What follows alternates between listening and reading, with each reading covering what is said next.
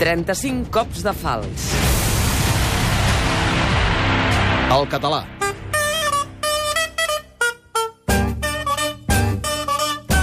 El 1714, a Catalunya, l'única llengua oficial era el català. El castellà hi era present, sí, perquè era la llengua que parlava el rei Carles II i també els seus representants aquí, els virreis. Jaume Sobrequés, historiador. Generalment era un noble de castellà que representava el rei a les competències que li eren pròpies. Aquest era sempre, gairebé sempre, de parla castellana i no deixava de representar un alt nivell institucional atès que era el representant del rei. Castellanització de la societat, doncs, tenint en compte la influència que tenia la cort? Doncs hi ha un procés de castellanització del país, però que mai no assoleix eh, una gran intensitat i la vida política, jurídica i administrativa de Catalunya, de la Diputació del General, dels dietaris que es publiquen fins al 1714, de les actes del Consell de Cent i les actes notarials a partir de que el llatí va quedant eh, en desús, era única i exclusivament la llengua catalana.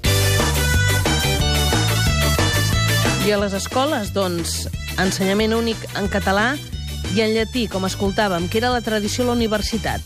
En català, a la universitat, es va anar perdent l'ús del llatí, que era una llengua de gran prestigi, i que va aguantar com a llengua notarial, per exemple, doncs fins molt avançada a l'època moderna. Fins molt, molt avançada, eh, en els registres notarials, s'alterna el català amb el llatí.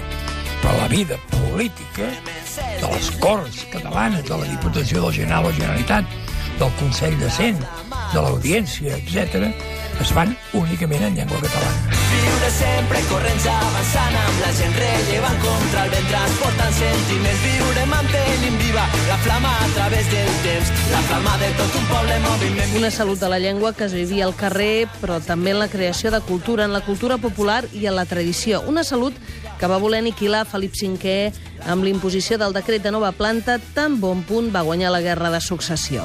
En el decret de nova planta, Felip V estableix i demanen als seus, diríem, polítics de Catalunya que intentin castellanitzar la vida política del país. I amb el pas del temps s'hi ha produint una agressió constant i permanent contra el català fins avui amb el senyor Obert i els seus eh, plans educatius, etc. Repàs de Jaume sobre què és en pocs segons de la història de la nostra llengua en els últims 300 anys. Una història de la qual encara no en sabem el final.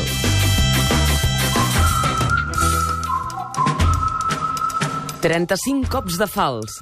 Laia Claret i Clara Jordan amb muntatge musical de Josep Plazas.